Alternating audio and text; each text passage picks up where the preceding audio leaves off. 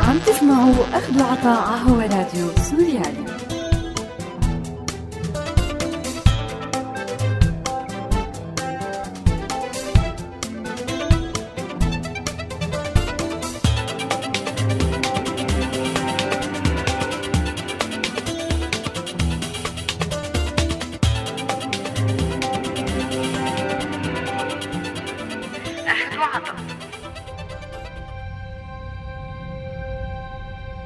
أعزائي المستمعين أهلا وسهلا فيكم رحب فيكم أنا مايا بحلقة جديدة من برنامج أخذ وعطا.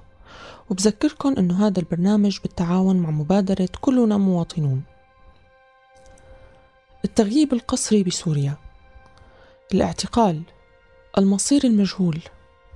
أغلب العائلات السورية عاشت وعم تعيش هي التجربة. وجود أحد أفراد العائلة بالمعتقل بدون أي قدرة على التواصل معه أو الدفاع عنه أو معرفة أيمت ممكن يتم الإفراج عنه أو تحويله للمحاكمة. وبدون القدرة على الاطمئنان على حالته الصحية وإرسال أغراضه الضرورية مثل الأدوية أو الثياب الشتوية وحتى بدون القدرة على تحديد مكانه. كل هي العوامل عم تخلي الأقارب وأفراد العائلة اللي عم تعيش تجربة التغييب القسري لحدا من أفرادها تكون عرضة للابتزاز المالي. هذا الابتزاز اللي عم يستنزف العائلة ويخليها ضعيفة كتير قدام المحتالين والنصابين. وحتى قدام المتنفذين اللي ممكن يكون بقدرتهم المساعدة لطلب مبلغ كبير من المال قد يوصل لآلاف الدولارات. كتار من الناس بيشوفوا إنه حتى مع كل هالاستغلال ماديا لمشاعر الأهل القلقين على مصير أولادهم وأقاربهم لكن على الأقل في منفذ يقدروا الناس يخلصوا فيه اللي بيخصوهم من المعتقلين. ولو بدفع مبالغ طائلة لأشخاص من الجهة اللي اعتقلتهم أو للقضاء أو للواسطة اللي وعدت بأمل لهالمعتقل بينما بيشوفوا آخرين أنه الاستسلام لهي الحلقة المفرغة من الابتزاز مو بس غير مجدية إنما كمان بتأثر على باقي المعتقلين بطريقة سلبية. وبتخلق سوق سودة جديدة ممكن تخلي الجهات الأمنية تعتقل فيها الأفراد بس لحتى تاخذ منهم المال مقابل الإفراج. تحول الابتزاز المالي المتعلق بقضية المعتقلين بسوريا لنوع من العمل المنظم اللي بيوصل بين الجهة الأمنية والمحامي والقاضي وصلة الوصل. ورغم صعوبة وجود أدلة على الطريقة اللي بيتم فيها دفع المال والحصص الموزعة على هي الجهات إلا أنه بنفس الوقت في كتير ظروف مثيرة للشك بأنه في نوع من التنسيق بين مجموعات من الأفراد اللي بتشغل مناصب بهي الجهات المختلفة واللي عم بيكون في إلها إيد أو حصة بالابتزاز. اليوم رح نحاول نلقي الضوء على هي المشكلة اللي عم تسبب ضغط وقلق إضافي لأهالي المعتقلين وممكن تحسسهم بالذنب بحال أخذوا قرار ما وتم إخبارهم أنه هذا القرار خاطئ سواء دفعوا المبلغ اللي هو أشبه بالفدية أو ما دفعوه. موقف صعب كتير بيعانوا منه أهالي المعتقلين واللي لازم يكونوا محميين منه بالقانون والقضاء نفسه. خليكن معنا بعد الفاصل.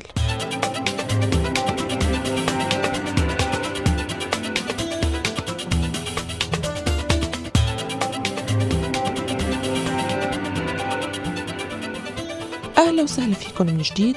خلونا أول شي نبلش مع هذا الاستطلاع. أخذ وعطا تعرضت أنت أو حدا بتعرفه لابتزاز مادي من قبل وحدة من الجهات لحتى تعرف شيء عن معتقل أو مقابل وعود بإطلاق سراح المعتقل أو ممكن معرفة مصيره؟ هلا بشكل شخصي لا بس وإنما يعني سمعنا عن كتير حوادث مشابهة أو بالأحرى بتسمع كتير. مثل هيك قصص بالفترة الأخيرة صارت نوع من أنواع التجارة الرائجة وفي كتير ناس عم عم يفت لها مدخول آه، كتير كبير من وراء هالعملية يعني مين كانت الجهة المبتزة؟ فيك تحكي لنا تفاصيل عن الحادثة وقديش كان المبلغ وكيف كانت طريقة الدفع؟ أه طبعا أحد الأصدقاء كان عم يسأل عن آه، أخوه أه فقدر إنه يوصل لحدا وطبعا يعني هو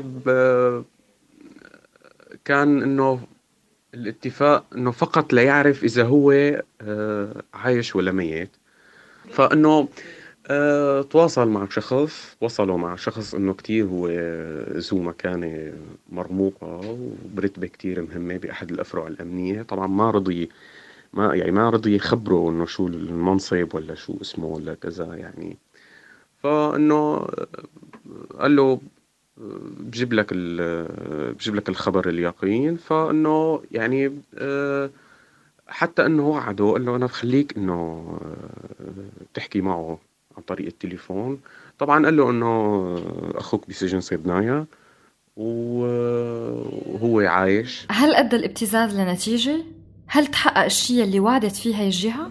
طبعا ما وفى بوعده هذاك الشخص وما خلاه يحكي معه فإنه ما فبس هو أخذ فكرة إنه هو على قيد على قيد الحياة بس ما متأكد من هالموضوع واضطر يدفع المصاري آه، بعد فترة بيتصلوا فيه آه، إنه يروح يستلم هويته لأنه الشخص آه، طلع متوفى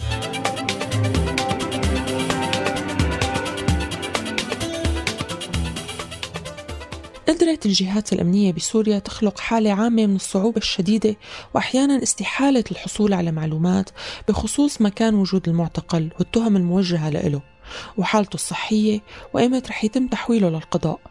هذا التعتيم المقصود والممنهج أدى لخلق بيئة كتير مناسبة للابتزاز بالوقت اللي بتكون فيه عائلة المعتقل متعطشة لأي خبر عنه. وهذا الغموض والتكتم الشديد تحت طائلة العقوبة لأي عنصر أو حدا ممكن يسرب معلومات عن المعتقل لأهله هن من أهم الوسائل اللي استخدمت وعم تستخدم للضغط على المعتقلين وأهلهم من الشعب السوري. بمجرد ما يتحول المعتقل من الفرع الأمني على القضاء بتحول موضوع الابتزاز من معرفة مصير المعتقل وزيارته والتواصل معه للحكم اللي ممكن يتطبق عليه. وهذا الشيء زاد بعد إنشاء محكمة الإرهاب والعقوبات اللي ممكن توصل فيها العقوبة للإعدام أو للسجن لسنين طويلة. ما عدا المحاكم الميدانية اللي هي بالعادة بتكون مجهولة التاريخ وحكمها غير قابل للرد. المعلومات المتضاربة الإشاعات السيئة منها واللي بتبعث على الأمل هي للأسف آليات بيقوموا باستغلالها المبتزين لحتى يضغطوا أكثر على الأهل لياخذوا منهم أكبر مبلغ ممكن من المال. للأسف القضاء اللي المفروض يكون أداة لحماية الناس من الاحتيال والنصب والاستغلال والابتزاز عم يكون بشكل غير رسمي طرف بعملية الاحتيال عن طريق تورط ناس عاملين فيه بالعملية بحد ذاتها. كتار من الناس بيتساءلوا وين المشكلة إذا كنا أصلا بوضع شاذ من الأساس؟ والمهم إنه الناس تقدر تعمل شيء لحماية أهلها. الحقيقة ما في جواب واضح على هذا السؤال. لكن الشهادات العامة بالموضوع بتثبت أنه هذا الشيء بالنسبة الكبرى منه ما كان مجدي أبدا في حال كان المعتقل موجود لسه عند الجهة الأمنية اللي معتقلته وغالبية المعلومات اللي بيدعي المبتز أنه عم يجيبها مقابل المال بتكون معلومات كاذبة. دفع المال للتخفيف للعقوبات بالقضاء أو الحصول على البراءة من القاضي كمان عم يتحول لحلقة خبيثة. بمجرد ما يبدي طرف الأهل استعداده للدفع ممكن تزيد التهم ويتعقد ملف المعتقل لممارسة مزيد من الضغط على العائلة.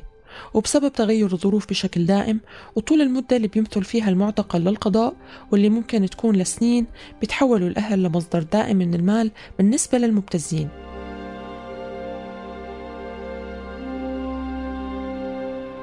إذا اطلعنا على قانون العقوبات السوري الخاص بعقوبة النصب والاحتيال منلاقي إنه المادة 641 من قانون العقوبات السوري بتجرم الاحتيال وبتحدد أركانه بأنهم كل من حمل الغير على تسليمه مالا منقولا أو غير منقول أو أسنادا تتضمن تعهد أو إبراء فاستولى عليها احتيالا إما باستعمال الدسائس أو تلفيق أكذوبة أيدها شخص ثالث ولو عن حسن نية أو بظروف مهد لها المجرم أو ظرف استفاد منه أو بتصرفه بأموال منقولة أو غير منقولة وهو يعلم أنه ليس له صفة للتصرف بها أو باستعماله اسما مستعار أو صفة كاذبة. ويعاقب المحتال بالحبس من ثلاثة سنين لخمسة وبالغرامة من عشر آلاف لخمسين ألف ليرة سورية. وبيلخص القانون وسائل الاحتيال بخمس حالات. استعمال الدسائس تلفيق أكذوبة أيدها شخص ثالث ولو عن حسن نية ظرف مهد له المجرم أو ظرف استفاد منه تصرف المجرم بأموال منقولة أو غير منقولة ما بيملك صفة للتصرف فيها واستعمال المجرم اسم مستعار أو صفة كاذبة. بينضاف على هذا الجرم جرم التزوير في حال استخدام المبتز لوثائق غير صحيحة مثل شهادة وفاة مثلا لخداع الطرف الآخر. بوضع مثل الوضع السوري يمكن الناس تحس إنه نحن عم نحكي بالخيال. هل في فائدة من الاستفادة من القانون السوري في حال تعرضنا للابتزاز من إحدى الجهات الأمنية والمرتبطين فيها بخصوص أحد المعتقلين؟ شو يلي بيحمينا من ردة فعل انتقامية من هي الجهات نفسها يلي مسيطرة على كل المؤسسات الرسمية بالدولة ومنها القضاء الفكرة أنه هذا القانون موجود ومن حق الناس إنه تلجأ له قد تلجأ له وقد تخاف تلجأ له وهذا خيار شخصي عند الناس لكن ممكن بيوم من الأيام تتغير كل الظروف تكون مشجعة أكثر على ملاحقة المبتزين قضائيا. وهذا الشيء من المفيد كمان إنه المحتالين والمبتزين يعرفوه إنه هن ممكن أنفسهم يكونوا معرضين للعقاب. فاصل ومنرجع.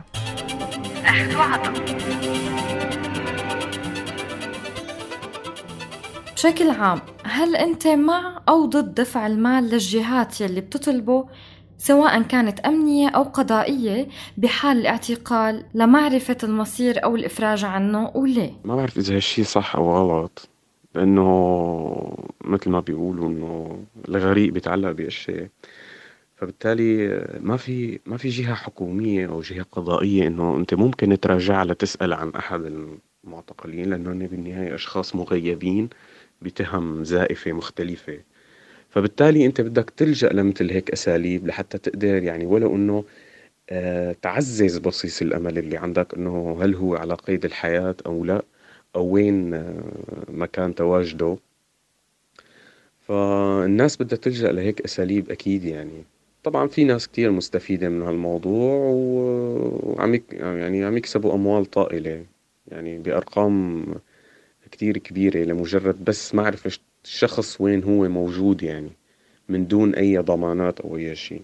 مهم إنه ادفع مصاري وتعرف وين موجود. عم تسمعوا أخذ عطاء على راديو سوريالي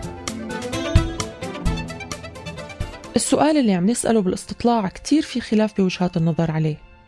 البعض بيشوفوا أن المتابعة بهذا الطريق هو تشجيع على الابتزاز وبيأثر على مصير باقي كل المعتقلين.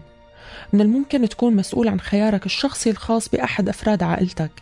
لكن لما بيتشجعوا المبتزين أكثر على طلب المال مقابل الإفراج حتى عن الأبرياء فهذا الشيء عم يأثر على مجموعة المعتقلين كلهم وعلى أهلهم.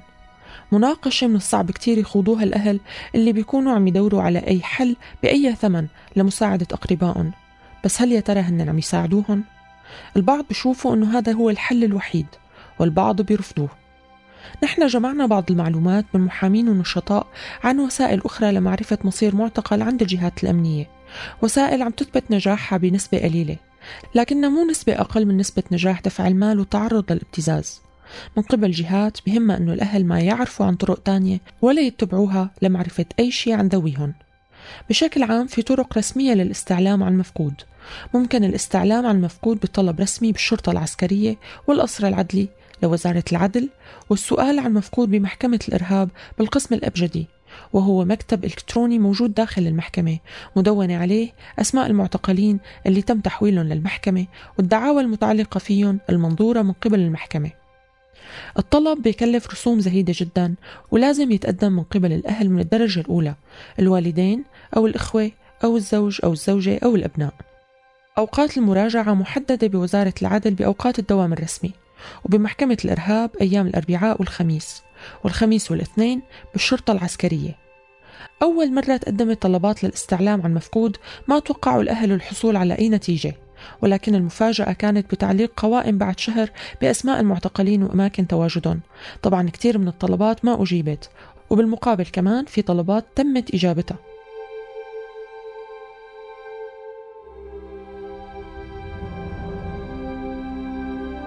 ممكن تكون نتيجة الطلب معرفة الأهالي مكان تواجد المفقود اللي ممكن يكون تم إيداعه بسجن صيدنايا أو عدرا أو أي سجن ثاني.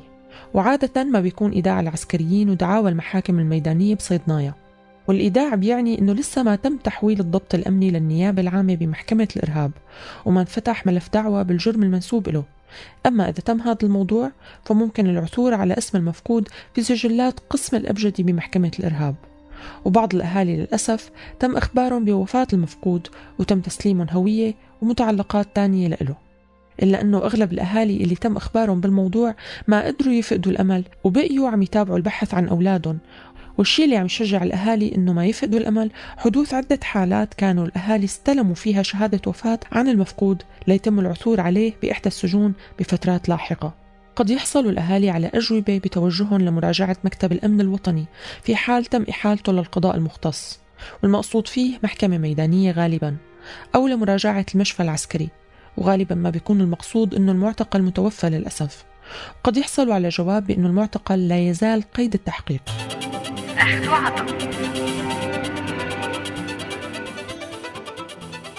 على أمل أنه يوما ما رح ينطوى هذا الجانب المؤلم والظالم والمظلم من حياتنا. ورح يسود القانون وحقوق الإنسان بدل الرعب والتغييب القسري. ورح يتحول هذا الكابوس لذكرى نتذكرها حتى ما نرجع نعيشها. خلونا نفكر بأنه اللي بيساهم بهذا الشيء أنه ما نتطبع مع التعتيم ولا الابتزاز. ونعرف شو هي حقوقنا وحقوق اللي حوالينا ونوقف بقوة بشان هي الحقوق. ونعرف أنه الطريق طويل ولكن آخره أحلى. بنهاية حلقتنا أصدقائي أنا بودعكم على أمل أني ألتقي فيكم بحلقة جديدة من أخذ عطا الأسبوع الجاي. لا تنسوا تتابعونا على موقعنا سوريالي dot com وارشيفنا دائما بتلاقوه على SoundCloud. ولا تنسوا تولفوا علينا FM من هون للأسبوع القادم كونوا بألف ألف خير.